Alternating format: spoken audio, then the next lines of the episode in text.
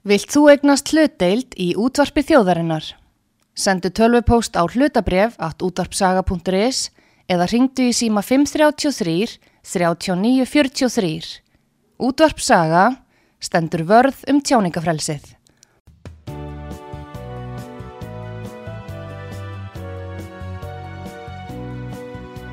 Sýteðis útvarpið á útvarpisögu í umsjón Arnþróðar Karlsdóttur.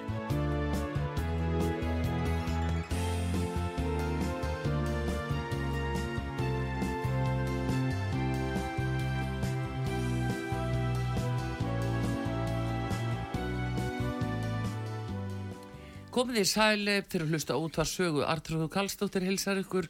Komið til mín eh, Vilhjálmur Árnason, alþingismadur sjálfstæðarsflóksins í Suður kjördami og það eru þetta miklar annir á þinginu núna en ég ætla að fara yfir svona helstu málinn sem að eiginlega verða ekki afgreitt á þessu þingi eins og staðinni núna. Mistakosti, velkomin eh, Vilhjálmur. Takk fyrir, takk fyrir. Neirðu, það sem að vekur nú aðtegli er ymmit eh, uh, frumvarp dómsmálar á þeirra sem hafi verið samþygt í ríkistjórn um uh, breytingar á lauruglulögum og, og forverkar ansóknarheimildi lauruglu og fleira. Uh, það veriðist ekki eiga í afgræslu núna?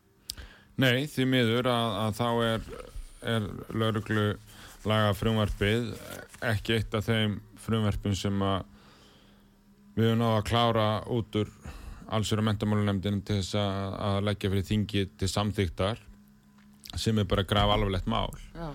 Lauruglan hefur lengi kalla eftir þessum heimildum í mörg, mörg, mörg ár og, og, hérna, og bent á nokkur atriði til þess að, að af hverju þeir þurfa að fá þessar skýrari heimildir. Þetta er ekkit mikið um auknar heimildir en þetta er svolítið skýrari heimildir og aðeins svona verið að stilla af og þá fyrst og fremst kannski til þess að við getum verið að taka móti upplýsingum á átt og miðla upplýsingum og verið í auknum samskiptum við Erlend ríki og þá sérstaklega laurugli yfirvöld þar. Til þess að hérna að svolítið að átt okkur á því hvað er að gerast hér og, og tryggja. Og ég hef sagt að þetta snýst svolítið um það hvaða öryggistígu vilji við að lauruglan geti haldið hér uppi. Mm -hmm. Lauruglan heldur bara því öryggistígi sem við gefum henni tækifæri að halda uppi. Mm. Og, og svo í svona alvarlegri stærri málun sem að tengjast þá kannski skipla gleipastar sem eða og ekki síður bara öryggi ríkisins að, að þá eru við kannski með mikið mannskapi að rannsaka máli en ef við getum fengið þessu upplýsingar frá erlendum laurugliðuvöldum og þau treyst okkur til að taka við þeim Já að þá getur við dreyja mikið úr okkar ansóna því að hún hefur öll farið fram annar staðar þannig að mm. þá mhm. er ekki, þá er að koma veg fyrir tvíverknað og, og þeir sem hafa miklu meiri burði til þess að rannsaka máli gera það þá. En er það ekki líka í einhverju tilvíkum eins og fíknefnamálunum nöysilegt að þarna sé mikið samstar og mikið reynsli á milli eh, landa í rannsóknum? Jú, en sko Þú nefnir fíknefnamálin ja. og við skulum alls ekki fara að tengja þessar heimildir við einhver svona venjuleg fíknefnamál og það, venjuleg fíknefnamál er bara eins og hvert annar brot og, og, og, og þetta mun ekki hafa neinn áhrif á mm. þau. Þetta hefur miklu meira áhrif á skipla glæpastarsemi og fíknefni tengjast vissulega skipla glæpastar sem er einn ángi þess og hvernig þau eru þá flutt á milli landa, hvernig þau eru fjármögnuð og allt það en í skiplega glæpastar sem er flutningur fólki og mannsa líka og, og, og peningaþvætti og margt annað. Og við erum kannski meira stödd þar þegar við erum að tala um þessar heimildir. Og, og því ég segi að þessi graf alveg ná mikið að klára máli núna. Og en þó hefur Lörglann kallað eftir þessu lengi en þetta er bara miklu miklu miklu alvarlegri dag. Út af því hvað heimurinn er að minka að því að vist, bara alla bóðleðir eru að gera og, og, vist, og skipla og glæpastar sem er bara ánum miklu meiri hér og það er stríði í gangi heiminum og, og bara samfélagið okkar og samfélagið heimsins er búið að breyta svo hratt. Þannig að mikilvægi þess að lögreglan hér þróist með samfélagsbreytingunum verður alltaf meira og meira Já, það er eh, þetta með peningafætti, það hefur líka staðið okkur fyrir þrefum bara til þess að fá, já, vottun og annað fyrir að það sé í lægi með bankana, þú veist að þetta er búið að valda uh, talsuðum usla á umdaförnum árum. Já, við fórum til dæmis á gráa listan út af því að varnir okkar gegn hérna peningaþvætti og varu bara ekki nógu miklar en nú eru komin að þeim lista með því að byggja upp ímis eftirlit mm. sem að við alþingismönnu og fjölskyldur okkar og, og nátengdir á hann að fengja að kynnast sko. þannig að sko, við sjálfstaflóknum tölum náttúrulega fyrir frelsi einstaklingsins og, og, og erum hérna og persónufrelsi alveg mm. fram í rauðan döðan en, en, en við tölum líka fyrir öryggi og sjálfstæði þjóðarinnar og þarna þurfum við bara að finna þennan balans mm. og hérna það er ekkert, og ég bendi þá bara á að það er ekkert líðræði í gangi ef að fólk hefur ekki öryggistilfinningu. Nei, það er nefnilega kannski það sem að uh, svona við fyrstu sín stendur upp úr þegar uh, þessa frétti berast að þetta verði ekki ágreitt þetta er spurningu um þjóðaröryggi það sem á svona ógn heimsins er ennú bara þannig núna ákveðin tegunda þjóðaröryggi og öryggin alls, almenna borgara. Eh, hvað er það þá eh, hjá allsir og mentamálanemnd sem að eh, tröflar þetta? Hvað er það sem stoppar? Er það vinsti grænir? Já, já, sko, málið er það að þetta, eins og þú sagðir áðan, að málið fer í gegnum ríkistjórnina og gegnum þingflokkana en, en ég venni verið að heila það að það voru miklu fyrirvar hjá vinsti græni frá upphafi þeir bara hleypa svo inn í þingi til fyrir ekkari vinslu Já. það er það sem þeir samþykja mm. þeir eru ekki að samþykja málið og, og það tóku líka allir eftir því að einna ráð þegar vinstu græna talaði gegn málinu eða mm. svona fór allan að gera verulegar aðdóðsemtir við málið hver var það? Svandi Svaðsdóttir hún kemur og heldur ræðu og, og segir að það, að, að sé miklu fyrirvarar við málið og talar þannig lagað svona, já gerir mikla aðdóðsemdi við það bara strax eftir fyrstu umræði í fyrstu umræði já. í þinginu og þannig að það hefur alltaf leiði fyrir að vinsti grænir voru með mikla fyrirvara mm. og það sem hefur ekki þá tekist í nefndinni er að, að, að snýða málið þannig að vinsti grænir aflétti þessum fyrirvörum mm. og því er málið ekki komið út Já, en eh, er eh, Vilhjálmur uh, sko, er ykkur ástafa fyrir ykkur að sitja lengur í ríkistjótt með vinstri grænum? Það eru ímis mál þarna sem að, eru srópandi manni finnst skrítið að þið leila láti teim ykkur til samþygtar ef svo má segja Nú þú rítar í sjálfstæðsflóksins til hljóti að ræða það að þetta stjórnarsamstarf hefur og margar áttur unni sér skeið og enda. Já, sko, ég, hérna, ég er hundfúll yfir þessari stöðu að sjálfsöðu og hérna myndi vilja einhvern annan samstarflokk heldur en vinstriflokk, sko. Mér finnst ég nú vera með tveimur vinstriflokkum í ríkistjórn mm -hmm. og, og hérna og, og mér finnst sko, ég get nú bara sagt það hér óbæmbilega, mér finnst raunverulega bara betra að vinna með vinsti grænum heldur en framsó þú veist hvað þú hefur vinsti græna og getur tekið skýrari rökræði við þá. En, en, en það er þá hérna, meðan að miðjaflokkarnir vita aldrei í hvort fótinn þeir eiga að stíga og eiga svolítið erfitt með að taka ákvörðum Fyrst er þið vera svona svo sagt opnir í báða enda framsó Já, bara miðjaflokkarnir allir sko. Mm. og framsón er náttúrulega grunn miðjaflokkurinn Já en, en svo í svari spurningunni þinni mm. af hverju eru við í þessari ríkistjórn mm. og þá segir ég bara að, að hérna að þarna þurfum við að vega á meta hvað er best fyrir samfélagið og ástæðan fyrir því að við látum það yfir okkur ganga að fara í svona vinstri stjórn mm. er kannski fyrir þá núna verða sex árum síðan að það er fyrst og fremst ákallið þjóðinu um stöðuleika í stjórnmálunum. Mm. Það var bara mikið losarabragur og, og það var alltaf stjórnarskipti, það var alltaf kostningar og eitthvað og þetta var bara ekki hægt. Þannig að þurfti að koma hérna En stöðuleiki sjálfstæðsflokkurinn fyrir ekki var náttúrulega inn í því, inn í stjórnarsamstari sem sko með uh, bjartri framtíð og viðreist og svo ríkistjórn var í nýju mánuði og, og sprakk bara yfir einu björglasi skiluru, sem fræktir orði. Já. Þannig að það er ekki hægt að skrifa þann eh, óstöðuleika yfir okkur aðra. Nei, sko, ég er að tala alveg frá bankarhunni, sko. Já, þar, sko, eftir kostningan sem, sko, við fórum 2013 þá er það framsókn og. Já. og svo ríkistjórn, hún kláraði ekki fjör ár, sko. Við flýttum kostningunum um hálft ár út af, hérna, vintrismálinu Já, og, og hérna, og svo, og svo komu, hérna, kostningar og þá vorum við með tveimur nýjum smáflokkum í ríkistjórn Já, og já. hvað gerðist?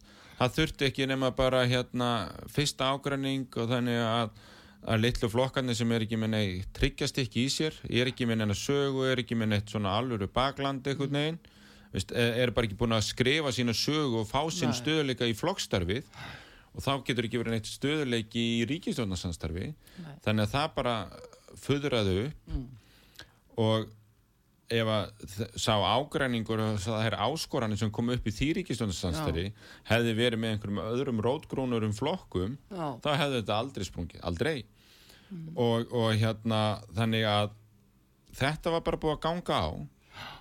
Og þannig að við þurftum að sína ábyrð og mynda ríkistjórn og við, við fundum alveg að það var kallað eftir því. Já, já. að fá þennan stöðleik og það gekk bara ágætlega.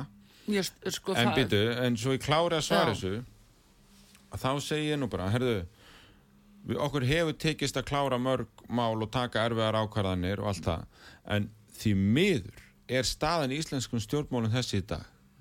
Að það eru átta flokkar á alþingi og þrýri ríkistjórn það verður alltaf bara eitthvað ómarkvist og óskilvirt og þetta samfélag okkar í dag er orðið þannig það byrja allir ábyrð á þér nema þú sjálf. Og það þarf að hérna það þarf, skal ég segja þér, má ekki gera neitt nema allt sé sátt. Við- það er ekkert að taka stórar og nöðsynlega ákvarðanir þennan allir sé sáttir, það er ekki hægt og það er ennþá erfiðara þegar áttaflokkar þingi og þrý ríkistjórn og ef að kvalfjörugöngin hefði átt að vera byggðið sátt þá væri þau ekki ennþá komin. Nei, að það voru 75% Ekki- þjóðunar á móti. Já, það er þetta sem ég er að segja. þannig ef við loka svar við spurningunni þess að jú, það, þetta hérna það er margt sem gengur á við þessu ríkistjónarsamstarfi en núna erum við með verbulgu og háa vexti og það eru teknolofti að þá held ég að því að ég sé ekki neitt annað augljóst ríkistjónarsamstarfi við erum þrýr flokkar og, og það eru mikið af litlum flokkum á þinginu. Þannig að ekki viljum við sjá borgarlínu munstrið í ríkistjórn hér. Vist, ef það er ekki þessi ríkistjórn ef það er einhver finnst ríkistjórn þá er það, borg, það borgarlínu munstrið úr Reykjavík. já. Þá erum við að fara að innlega það í landsmálin. sjáum hvernig það gengur þar. Þannig að ég held að ef að við tökum hagsmunni þjóðarinnar yfir hagsmunni flokksins Mhm. að þá sé skynsanlegt að þessi ríkistjórn hérna, tóri nú aðeins lengur allavega já, þeir sýnist það. Annars bara En- getur verðbólgan hækkað. Það verður að hækka verðbólguvæntingar og þá halda vextinnar áfram að hækka á annars Já, en sjáðu til, samt Vilhjálmur, ef við bara lítum tvö ára aftur í tíman eða þrjú, þá allt í henni er vextir hérna nánast bara 0%, 1% og að fólk ríku til og kaup sér húsnæði, unga fólki fóru fjárfesti, þetta gerist allt á ykkar vakt. Það ger þessi verðbólga rísun og ykkar vakt. Vextin er hækkar svona rosalega á ykkar vakt og þú segir, jú, það er eðlilegt að við höldum áfram. Þetta er ekki eðlilegt nefnilega vegna þess að þú eru aðtúa líka Vilhjálmur í ljósi sögunar af þú höfðu til þess að hrunið þegar það kom þá var sjálfstæðarsflokkurinn í ríkistjórn með samfylkingu Já, já, en, en, sko, en, það? en ertu þá að segja það að, að COVID hafi komið okkar vakt ertu að segja það að stríði Úkrænu byrjaði okkar vakt ertu að segja að, að efnaðistrengingar í ban amerísku bankakerfi og bara allir í Evrópu og víðar hafi verið okkar vakt sko. Við erum hér að takast á mestmegnis við hérna, innfluttar aðstæður og að mörguleiti og en, en að sjálfsögðu þurfum við líka að haga okkur hér innanlands og það er margt sem er á baku þessari verbulgu en við skulum átt okkur líka á stöðunni hér þegar að COVID kom þá var ríkisjóða það sterkur að við gátum varið heimilin hluti af því hvernig heimilin standa þó ennþó daginn þetta þrátt fyrir vakstahekkanar svona að það er spartnaðurinn sem að myndaðist í COVID Já, hann, var, hann er fann að draga saman núna, já, en var ekki farið í peningaprentun? Sérðu? Var ekki farið í peningaprentun? Jú, til þess að verja heimilinn og. Mhm. og nú serðu viðsnúningurinn þetta er heldur betur að skila sér núna þegar ríkisjóður frá því að við skilum fjárlögunum í desember, Mhm. lók desember og til dagsins í dag er a- afgangur af ríkisjóð eða, afkoma ríkisjóðs Mhm. betru um 90.000 miljónir 90 miljardar betri afkoma. Þannig að í grunninn er efnaðasástendið gott hér. Vandamálið er á verðbólgun og vöxtónum sem snertir heimilinn og það sem er með lægstu tekjurnar og þar verðum við að sína ráðdeild þar verðum við, eina sem við getum gert í stjórnmálunum er að sína aðhaldi ríkisfjármálunum og ábyrð við þurfum núna er á fullu að vera að vinna fjárlega frumvarpi fyrir haustið þar þurfum við að finna alla leiðir til þess að hægraða og draga úr Já, þenslunni sælabankastjóri og sælabanki líka sendið þau skilabóð núna. Já. Alveg skýrt til ríkistjórnarinnar að draga saman vegna þess að það er á mikil eðsla. Það er allt og mikið leiðsla það, það, er, hérna, það eru veikir hópar hérna sem að hafa hérna, hafa það ekki gott en er en hópurinn sem að hefur það gott og hefur mikla peninga millir handana er alltaf að stekka millistjettin er að verða fjársterkari hér á Íslandi. Er það? Já, það er allan allt uppselt á leðinni til tenni og allir eru að kaupa sér nýja bíla og allir eru að kaupa sér nýju hús og það er bara allt á fullu. Og, og hérna en, en, en, það, en að þess vegna erum við að horfa á hópana sem er ekki þarna. Við erum að horfa á hópana sem að hérna er að fá harri. En sko við meðum líka ekki að glema því að því ég sagðist að borga þess að halda þessar ríkistjótt sem fengjum ekki borgarlínu skipulagið mm. að stór ástæðan fyrir vandamálum heimilan í dag segi ég sé skipulasmál hér á höfborgarsvæðin þar sem er bara byggt á þéttingareitum há innviðagjöld hátt íbúaverð lóðaskortur, það sést nú bara í morgunblæðin í dag, allar íbúðunar er einhvern þéttingareitum og dýrustu svæðum borgarinnar. Það er engin nýbyggingalönd með ódýrum byggingalóðum á í gangi. Því lengra austar sem kemur í borginni því færri hérna, íbúðir eru í bóði já, og hérna og þetta keirur upp íbúðaverðið sem að hækkar verðbólguna og hækkar hérna fjármaskostna heimilana og þá hefa vextirnir ennþá meira áhrif þegar þeir hækka.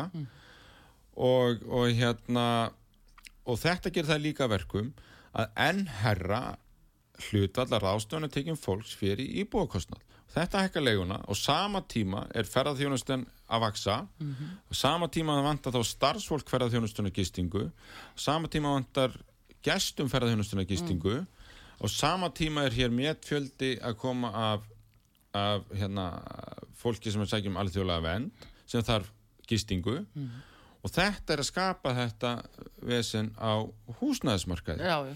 og þannig að, En- jú, en- þú mátt segja þetta sé okkar vakt en, en, en þetta eru margar ástæður. Já, og, en- og þarna skiptir mestu máli Mm. að það sé einhver í fjármálaráðunitinu sem að passar það að Eisland fari ekki fram á hói og íti ennþá undir verðbólguna það skiptir Vandinn er líka sá það er helst ekki gefnar upp tölur í þessu.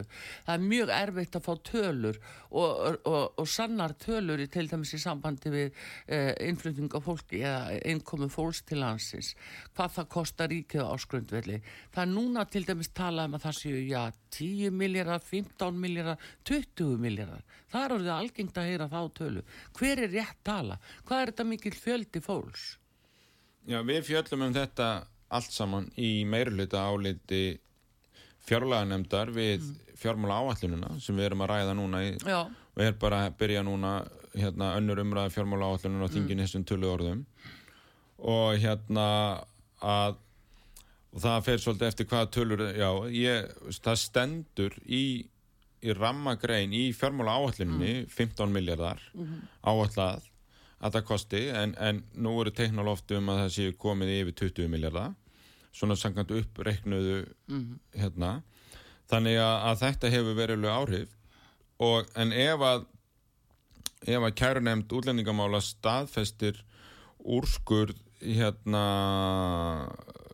nýjan, nýja úrskurði útlendingastofnunar þá kannski hérna þá er svona hluta til þetta uppsafnaða húsnaðis þörf, þá kannski breytist hún. Já, og, og hérna og dregur þá hérna vonandi verulega úr þessum kostnaði og fólk fær þá úrlaust sinna mála. Og, og, og það dregur vonandi þá töluvert úr kostnanum og, og, og þessari þrýstingi á húsnæðismörkan út frá þessum lið sko. Já. En á sama tíma fjölga ferðamönnunum og hótelin uppselt og fleiri Ertu sitt með Airbnb og tölur, svona? Vilhjálmur, um einmitt að þú talar um ferðarþjónustuna að hverjar eru veldu töluna til dæmis, hverju er skilar ferðarþjónustan inn í, í hérna ríkisjóð, til dæmis bara virðisaukaskatti á ári? Já, ég, sko, ég er ekki, ekki alveg með það á hreinu. En, en af hverju erum við alltaf að tala um hvað ferðarþjónustan skilar virðisaukaskatti? Byrju, er ekki fullt af öðrum atvinnugreinum sem skilar virðisaukaskatti Jú, það er bara Já. spurning hva, hvað, stó, hvað þetta er í raun verulega bíddu, hvað er- mikill lagnaður hvað er verktaka yðnaðarinn að skila mikið virðisaukaskatti, hvað er eitthvað annað Mhm. veist, þannig að, að, að hérna að mér finnst þetta bara raung nálgun sko. virðisaukaskattur er stærsti tekjustofn ríkisins til standa undir okkar samöluðum kerfum Já, heldur betur þannig að, Mhm. að þannig að það er bara hluti af því hvernig við fjármögnum okkar samfélag okkar Já. Og hérna þannig að, að, að ég þess vegna er ég ekkert upptíkin að þessum upphæðum sko. Nei, og, nei, nei. Og, og hérna ég veit bara að, að, að virðisaukaskatturinn er stærsti einstakki skattstofn ríkisins Mm.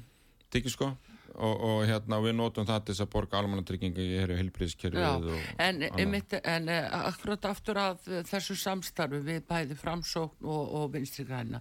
Nú var það bara í hátíðsfréttum rúfi núna að, að uh, það væri sem sagt uh, ósókomulag í ríkstjóðnunum innflutningi á kjúklingur frá Úkrænu og það er ekki að gera það, eða hvað?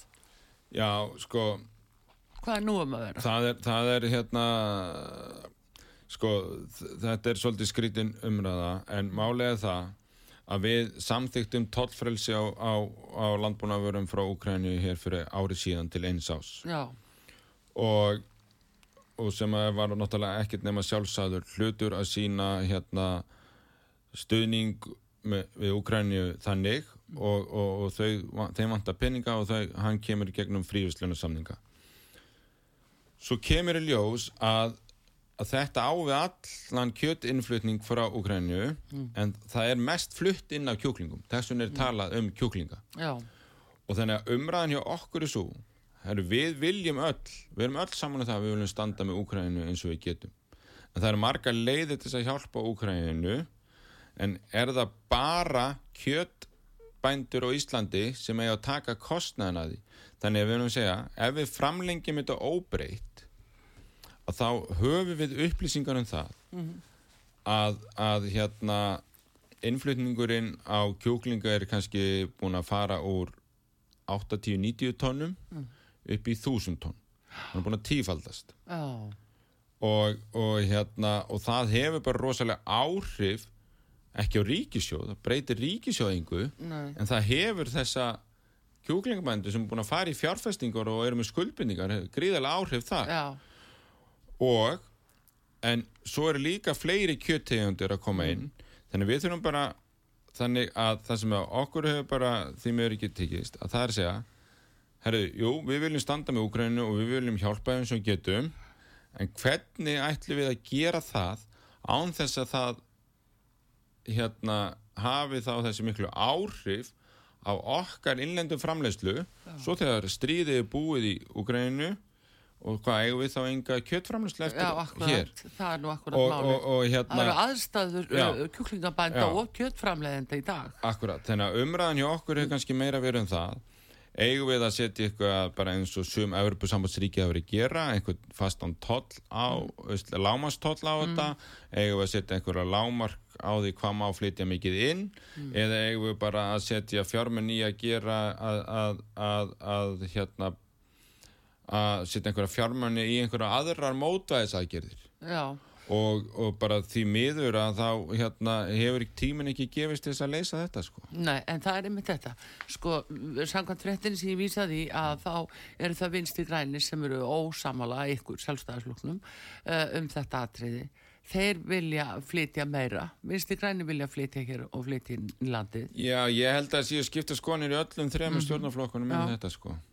Ég held að sé ekki hægt að segja að það sé eitthvað bara eitt flokkur á móti hinnum í þessu sko, alls ekki sko. En viljið þið viljið þetta sjálfstæðismenn? Við viljum standa með Úgrænu og, og, Já, og að en klárlega, en við flytjum viljum ekki, en við viljum samt ekki fórna bara einni stjætt með loka fyrir augun, sko. Nei. Við viljum hafa einhverja móta þess aðgerðir. Við þurfum, við, veist, ég, mín persónulega skoðan er svo að ég hef viljað horfa á hvernig önnur lönd er að gera þetta, veist, eru þau að setja það á eitthvað hámark Já, eða eru þau að, að veist, en það og það er ekkert öll lönd á uh, hérna Evrópu sem taka þátt í þessu. Þannig að þetta snýst um, við erum þá eina landi sem framlengir þetta ekki?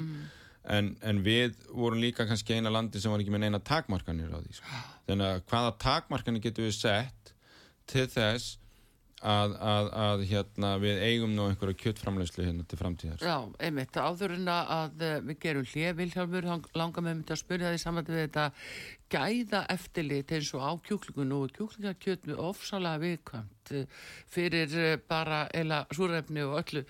Að hérna, hvað gæða eftirlit er með þessu, úr hvað jarfið þetta kemur, hver er aðbúnaðurinn við raktunina út í Úkrænu? Sama borið við það sem Já, er sko, ég, nú þekki ég ekki nákvæmlega hvernig þetta fer fram í Úkræninu, þetta eru stór evru, stóri evropska aðalir sem eru held ég svona einhver leiti fjárfestar eða koma að þessu þannig að, og þetta er einhver leiti fluttin til Evropu en máli er það að það er bara vitað að á Íslandi Mm. er aðbúnaður að kjúklinga aðbúnaður reglugerinn hvað ströngust. Já. þannig hér fá hér er dýravelferinn mest í háu um höfð meira heldur en viðast hverju Evrópu og, enn, veist, og þær kröfur eru þá ekki heldur í Úkræninu sem er ekki í Evrópusambandinu. Þannig að, að framleiðslu kostnaðurinn og aðbúnaðurinn er ekki ef kröfu herður þar svo hef ég heyrt frá eh, hérna hérðan að eftirlitið með víst, hérna, svona heilbriðis og ottorum annað hefði mátt vera meira og væri ekki nógu mikið. Mm. að því að við erum með hérna svona heilnæmesta kjúklingaframleyslu í heimi og hvað var það kamfélubakter og annað. Við erum með mestu dýravelferða kröfunar í heimi að ég tel sko.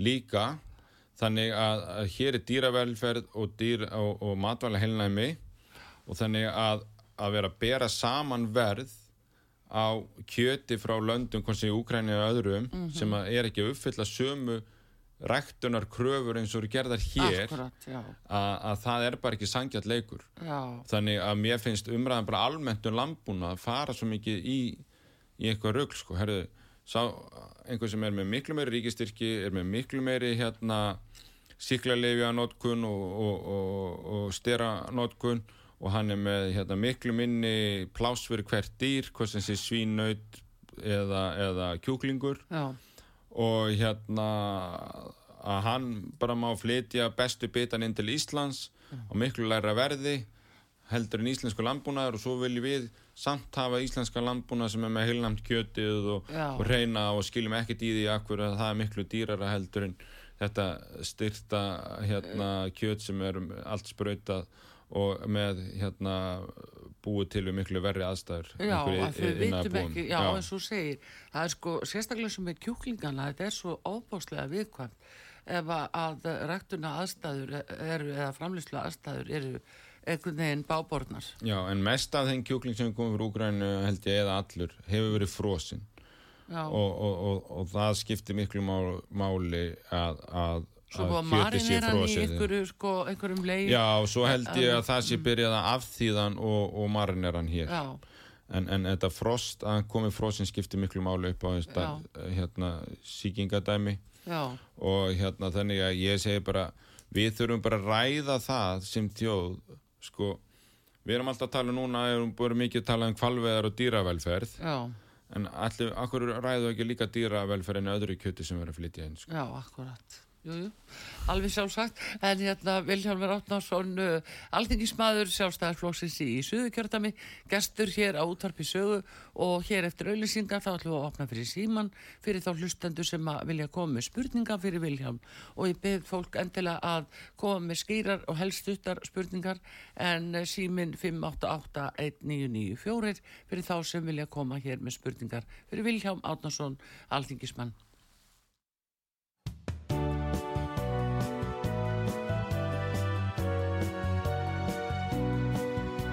Síðdeðis útvarpið á útvarpisögu í umsjón Arnþróðar Karlsdóttur.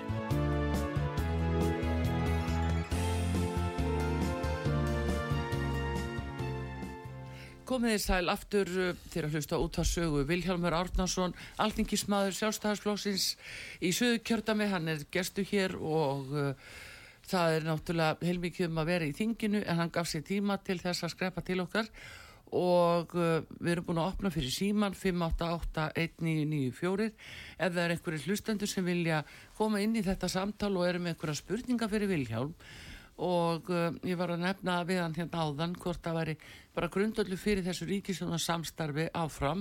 Hann heldur að svo sé en veit ég hvað þið segir en það er eitt málu hérna Vilhjálmur sem að við langar að nefna við og heyrða því hér bara í símatími morgun að fólk er að tala um að peningasælar verði teknir og umferð hefur þú heyrt eitthvað um þetta?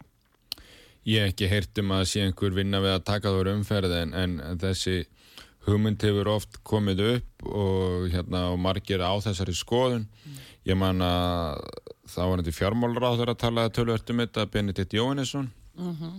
þegar hann var svo sá ég held ég að ríkislörlistjóri hafi verið að nefna þetta á, á dögunum að, að, að, veist, að það væri svona ein aðgjert þess að spórna við vissirum glæpastar sem er annað slíkt sko en, en ég hef ekki verið var við það að það sé einhver alveg vinna í því að taka það á öru umferð en, en hvað veit hvað getur maður spáð um framtíðana þegar að taknin veður svona hratt áfram sko. og en voru það ekki eitthvað skilabóð frá vara selabankastjóra uh, var hann ekki akkurat að tala um þetta að, að framtíðin bæri það skauti sér að þetta væri óhjókvæmilegt annað Já, ég hugsa að, að hérna að fjármagnu umferðið en notkun sela sé alltaf dragast og dragast saman og, og maður hérna býður bara eftir þeim veist, maður er alveg farin að sjá sko maður sá alltaf auglýsingandir hérna einu sinni við tökum ekki kort þú ert að koma pening. já.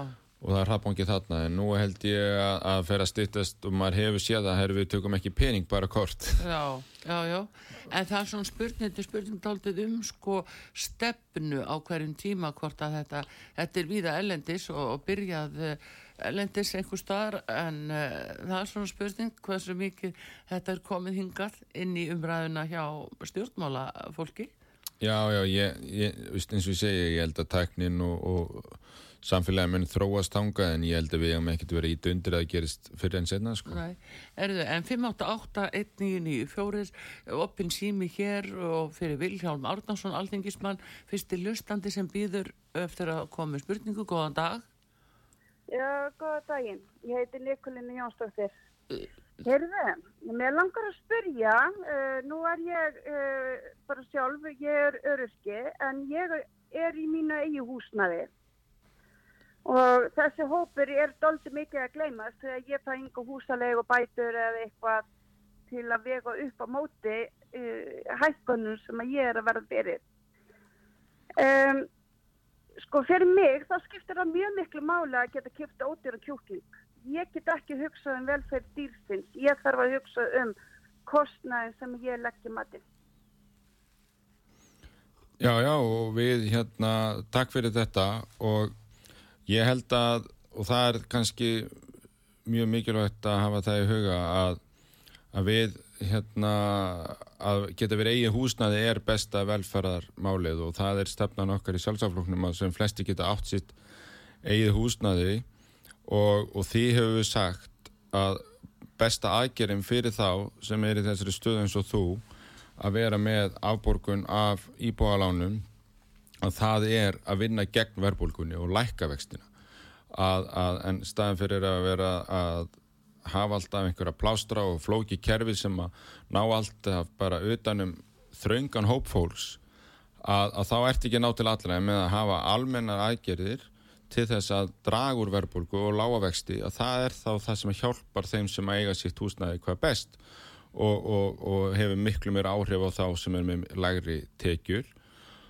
Og, og þegar við vorum að, að tala um, um hérna með lága verðið að ég er ekkit að móti því að það hér sé hérna gert allt þess að, að hafa eitthvað val um látt látt maturuverð eða, eða þá að þú kaupir eftir einhverju öðrum hérna skilmálum en það sem hefur kannski vanta mest inn í þessu og, og íslensku bændur hafa kallað eftir er að, að það sé þá uppbruna merking á vörunum og það sé ger miklu strángari krafa um það að þú viti þá að þú ert að kaupa ódýrari kjúkling að því að hann er framleitur við aðra aðstæður og, og, og, og hérna er flutur inn og er e, og annað slíkt sko. Og það, það er nú kannski hérna þessi mótaðsækir í þessu þannig að fólki hafa bara valum að kaupa þá íslenskt sem er ekki með neinum aukaefnum og annað slíkt. Og þess vegna er það bara dýrara og annað slíkt. Þannig að það er kannski sem skiptir máli. Það, það er þá ekkert mál fyrir ykkur að brenda út ykkur að limmiða og skella sem limmiðum á íslensku vöruna fyrir þá sem að uh, já, fyrir ykkur ríkafólki sem að geti þá styrt íslensku bondana en fyrir okkur hinn sem að eigum eiginlega ekki krónu þá er ég að tala um nákvæmlega ekki krónu eftir mánagamót uh, það skiptir okkur máli að geta farið í búð sko, þú veist, ekki láta hverla að þér að ég fara að líka á hvaðan varan kemur. Ég fer í netto eða þessa staði til að finna út það sem er í afslætti. Já, já, og ég gerir það alveg líka og sjálfur, sko. Ekki, já, og ekki kaupi ég, ekki geti kæfti grammeti. Ég menna, sjáu í paprikuna. Vistu mm. hvað? Að þetta á bara að vera, þú veist, þetta á bara að vera valfrjást þið eigið ekkert að ákveða að við eigum að kaupa Íslands út af því að það er svo gott og þeint var uh, þið verður bara áttökur á því að staðan í landinu er svo þú veist, þið hætti bara vexti. Þið, þið tali alltaf um jú, við erum að gera svo mikið við ætlum að gera hitt og þetta. Við þau hvað? Að þessi orð skipta okkur ekki máli í stöðinni í dag. Við þurfum að lifa út daginn á morgun og næsta dag. Á meðan þið eru að tala um já, auðvitað, við þurfum að gera þetta, þetta, þetta. Auðvitað, þetta mikilvægt. Já, heyrðu. sko, Já, já, en ég heyr alveg hvað þú segir umræða, og... Já, þessi umræða hefur bara ekkert með stöðuna mín að gera í dag. Já, sko það er hérna það er alveg grunngildi sjálfsaflóðsins og, og hérna eins og þú lístur þessu að við viljum ekkert ákveða hvort þú kaupir Ísland eða ellend og við viljum að sé bara bæði á bóðstólum. Það sem ég var að segja bara að valið þurfti að vera þá bara skýrt að, að þegar að íslenski bændur hafa mert sína vöru og þá kemur hérna eru hérna kannski bara litla sem enga merkingar á hinnu sem er innflutt og annars líkt. Við stýðum alveg innflutningin og, og, og það allt saman að, en bara leikreglunar ekki verið saman og það er sömaður upplifa það. Þannig að, að og ástæðan fyrir því sem að við erum mikið kvarta oft undan í þjóðfélaginu að ríkið sé með búuru samninga til að styrkja bændur það er einmitt til þess að lækka matvælaverðið. Til þess að bændur fá ekki sinn framleyslu kostnað það er til þess að hækki ekki vöruverði þannig að við erum með þannig kerfi í dag það sér til okkar neytundur já það er að skila sér það er að skila sér til bændur fá ekki eins og að hækka viðst, það er verðlagsnefn sem ákvöður verðið á mjölk og, og fleiri hérna búvörum já þurfið þá ekki að gera eitthvað það og, og hérna og þar er og, og þannig að við erum með búvöru samning og allt til að takast á við þetta sko. Er, uh, ég Veldu, hérna, ertu, ertu búin við? Það er bara að býða fleiri sem við þurfum að leipa? Já, nei, ég ætla bara að leifa fleirum að koma stað út af því að maður getur aldrei áfram endalus. Já, en þakkaði fyrir þú búin að koma þínu að allavega. Já, gangið við. Takk fyrir, já, blessu. Já, næsti hlustandi sem er, hver góðan dag? Halló? Já, halló. Já, góðan dag. Gjör svo vel. Góðan dag, ég heiti Haldur Sigurðsson. Sæl, ert þú með spurningu, Haldur? Já, það var til Lindarkvól. Já. Að hérna, það voru þrjú fyrirtæki á vegum hérna uh, Sælabanka sem eitt hitt Hilda, annað Eignabast Sælabanka Íslands og svo er Sölfótt þriðja fyrirtæki. Er Lindarkvól, er það fyrirtæki, tók það yfir eignirnar frá þessum þrejum fyrirtækjum og hérna voru þessar hérna eignir sem voru í þessu þrejum fyrirtækjum voru þær eignir löglega fengnar? Uh, ég er ekki með alveg hérna á hreinu öll nöfnin á úst, þetta eignasafn.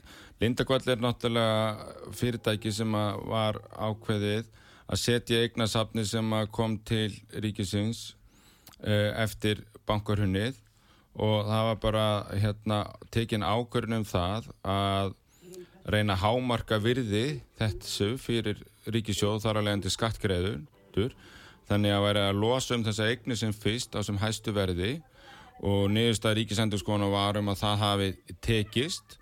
Og hérna en, en hvort að þessar eignir allar hafi verið komnar til hérna til með réttmöndum hætti til ríkisins eða hvort að skila nefndir og eitthvað hafi hérna einhverstað að fari fram á sér í því það verður bara domstólar eða aðrir að sker úr um heldur en ég Já, og það var náttúrulega þannig að, hérna, að Íslendingu var talið trú á, það, á því að eignirnar hefði þar úr gömlu bankanum í nýju.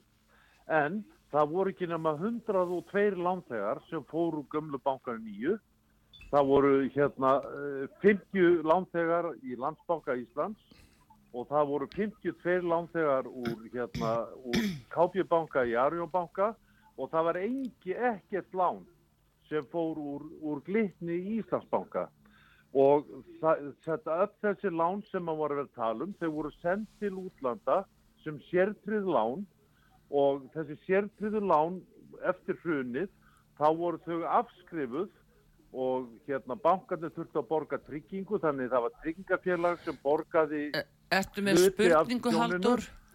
Já, ég, spurningin er, er, er, er svo ég, ég verð náttúrulega veist, það, það, og þau voru afskrifuð öll þessi lán voru afskrifuð mm -hmm. Getur, geta þær eignir verið löglega fengnar þegar að það er búið að afskrifa hérna, þessi lán og, hérna, og fá tryggingargjald fyrir það þannig að, að set, Hilda, Egnarsafn, Selabanka Íslands og Sölfóll getur það verið löglegt að það sé afskrifu lán sem þeir voru rukka á sínu tíma. Já, Já sko, málega bara það að, að, að ábyrðin er hjá þeim sem er lánuðu þessum íslensku böngum sem að voru hérna flest lífyrirsjóðir frá New York og fleiri stöðum sko sem að lánuðu. Og það voru við afskriftinu voru þeir sem töpuðu peningunum sínum og svo voru íslensku bankarnir sem að voru eigur ríkisin sem að náða innheimta meira heldur en var afskrifað. Þannig að, að og svo kom það þá bara til í ríkiskassan. Og það var þetta sem að gera það verkum að ríkisjóður er búin að fá kostnæðin sinn af bankarhuninu fyrir utan náttúrulega samfélagslega kostnæðin en fjármagskostnæðin sinn tilbaka. Mm -hmm. þannig að en svo eru þau bara eru hundruðu dóma búin að og dómsmála búin að vera í gangi eftir þetta og, ég, og það er ekkert að alhæfa um þetta allt saman. Það er bara mísand eftir hverju máli fyrir sig Já, erðu, en 5881994 sími hér í útsendingunni og Vilhjálmur Árnason Altingismadur er gestur hér fyrir hlustendur sem að vildu koma með einhverja spurningu til hans. Er Vilhjálmur, það er einmitt eh, þegar hann nefnir þetta eins og Lindakól og fleira á svona þyrklast nú upp í rikið en hérna eh, mingandi tröst á alþingi og stjórnmálamönnum á það rætur hugsalega í svona málum eh, sem við hafa verið að koma upp eins og líka uh, Já sko, ef við verum alltaf först í þessari neikvæðu umræðu og ræða formist af ræða hugssjón mm. og hvernig ætla að reyka þetta samfélag mm. En ég held að trausti sér líka bara það að við stjórnmálumenninu komum alltaf langt frá fólkinu landinu, kjördamin okkur er nú stór og ja. sveitafélagin stór þannig að tengsla millir kjöruna fulltrúa og almennings er bara orðin og laung því miður Já, eruðu hér næsti hlustandi við fáum hann, hver er þar? Góðan dag, út á saga. Já, góðan daginn, ég heiti Gunnlaugur. Já, sæl, viltu aðeins tala hæra? Ég, ég heiti Gunnlaugur. Já. Ég hérna, hef nú fylgst með þessar umræðum grænmeti. Já. Það var komið upp uh, mál þar sem að einflug grænmeti, það hefur verið sprautað yfir að vatni þá á einhvern veginn helgast það og verður íslenskt Já. Já, það er einhver máttur í íslenska vatninu. Já. Á maður vona fleiri svona leikritu, við máum spyrja Vilsson. Já, þetta nefnilega er það sem að bændasamtökin og bændunir er að benda okkur á að þess vegna þurfi að þessar uppruna merkingar að vera með miklu strángur skilirði og, og taka fastar á því. Mm. Það hefur bara ekki gengið nú að rætti okkur. Til þess að fólk sé alveg, hérna, sé ekki verið að blekja fólk þannig að þú sért að ert að kaupa einhverja landbúnafur í mjög fallegum umbúðum. En svo að þú setur upp stekkunaglýrið og sérði einhver staður upprunalandi er eitthvað allt, allt annað þannig að, að, að það, það er þetta sem við erum að, erum að berjast við og grammiti er búin að lenda mjög ítla í þessu að, að það er hérna, skóla grammiti sem er selgt í sko, kössum með íslensku fánárendinu sko. Já, en þetta er nú oft svona markarsfræði og orðaleikir eins og einhverjum skýrdóllum og jógurtdóllum stendur engin viðbættu sigur og þá spyr maður stóð til að setja eitthvað sigur í þetta annars hvort er þetta sigurlust eða ekki? Akkurat.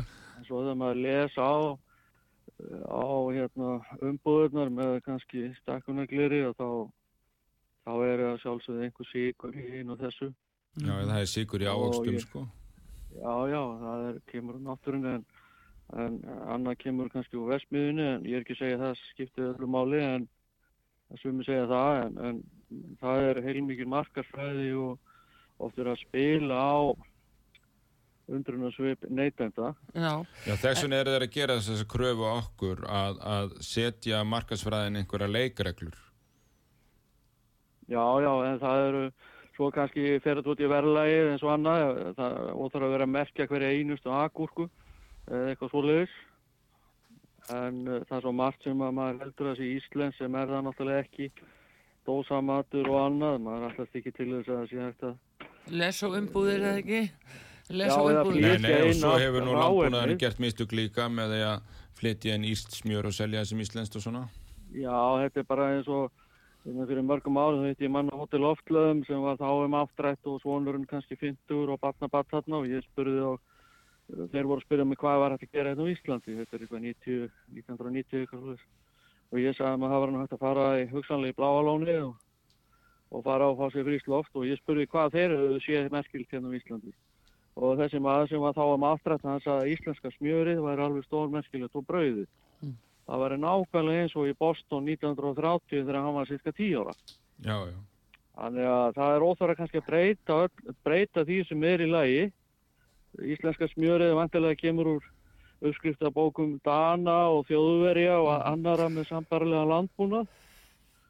Já, og já. það sem er Ísland, Íslandst er oft svona eins og í einhverju niðursöðu dós að dósin er innflutt, umbúðunar og Mhm. innihaldið er Já, já, hérna, Eh, og nema kannski einhverja fiskibólur sem kom úr alþjóðlegum fiskmarkaði og íslenski fiskurinn hann fyrir Já, Breitland en og allt snýst tilbaka þetta í líka bara um einhverjum það að íslenski neytandin sé líka hluti af, af aðhaldinu, sko. Það er ekki alltaf hægt að treysta á stjórnvöld og einhver aðri sjá um þetta fyrir mann.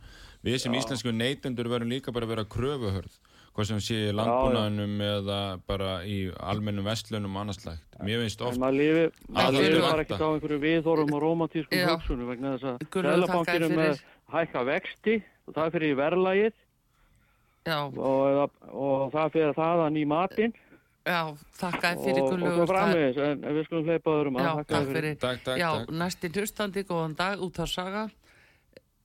Hver er þar? Vilhjálmur Átnánsson, alþingismæður, er að svara hlustandum út á sögu og uh, hér er uh, maður á línunni eða einhver á línunni, góðan dag. Hver er þar? Já, ég, ég, ég ætla ekkert að fara að tala hérna meðan að hann er að tala. Nei, beitu, hver er þú? Ég, ég heiti Jakob. Já, ertu með spurningu fyrir Gu- hann Vilhjálm? Já, til þess er ég að ringja. Gjörðu svo vel. Gjörðu svo vel, Jakob.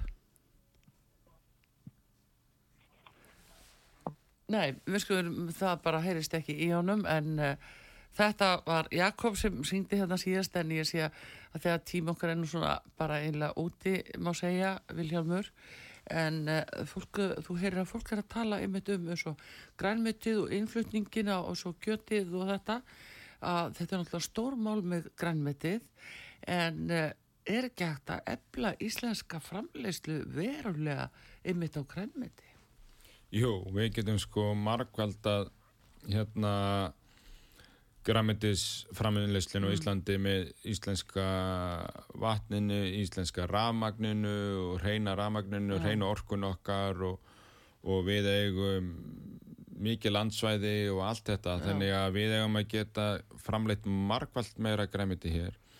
Og ef að við myndum nýta orkuna og þær aðstöð sem gerum þetta hérna í miklu meiri magnframleyslu þá getum við mögulega flutt út og þá lækkar vöru verið hér innanlands, þá lækkar Já. framleyslu kostnaður og annað þannig að ég, veist, það sjá allir opsjónum yfir styrkjum til bænda og niðurgreislu á rafmagn og annað slíkt en ég sé þetta ekkert nema fjárfestingatækifæri Já. þannig að við eigum að hjálpa bændum sko rafmagnið er ódýrt á Íslandi það er dreifikostnaðurinn sem hefur ekki Já.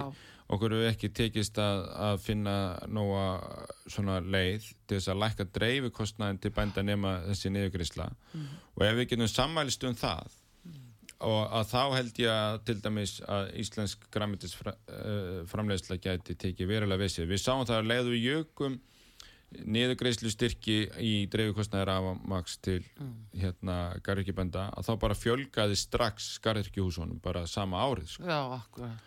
Og hérna þannig við þurfum bara að halda það áfram og ég vil benda að það hafa gert eftir þriða orkupakkan Já, þannig að, að niðurgreislur til hérna græmitisbænda jökust eftir þriða orkupakkan og það jók græmitisframleiðsluna hérna hér á landi. En, en, en það gerði að verkum að, að hver bóndi fjekk ekki meiri meiri niðurgreislu að því að fjölga þessu. Það voru fleiri sem sótt í pottin leið og hann stækkaði þannig að, að, að við þurfum að finna leið þarna. Og þar er líka hægt að horfa á bændurnar sem stórnótundur ef að garðirkjustöð er í dreifbili þá er hann að borga meira heldur en garðirkjustöð í þéttbili og það er ymsar fyrirlega reglur sem það þarf að já, sem mætti bara einfalda eða hvað. Já, Já, já, já, eða bara þetta snýst, mér alveg sama hvort við niðurgreðum rafmagnið eða breytum takstanum eða hvað við gerum við þurfum bara að finna leið til þess að framlega meira græmyndi með hreinni orku á Íslandi það er nú það. Eh, Vilhjálfur, hérna eh, aðeins svona að síðustu, eh, eitt af þessum málum sem að- fóru ekki í gegnum Akrusli Dingsins núna, það er þessi hattursorðaðu til að fórsættisáþra. Uh, hvernig stóðu því að það var ekki ágreitt? Já, eins og við kennum vinst í grænum um að lauruglulegin fór ekki í gegn og þá getur þeir okkur kent okkur um að hattusorðan fór ekki í gegn Já, já það er svo leiðis. Ég held að En bókun 35, fórgangsregla. Bókun 35 að það var bara hérna hún, hún kom það hérna sent inn kannski þingið og, og, og hérna og nefndamenn í ytterriksmálu nefnd vildi fá ansi marga sérfræðing og gestit að fara yfir það mál. Og það bara einfallega vannst ekki tími að klára það sko.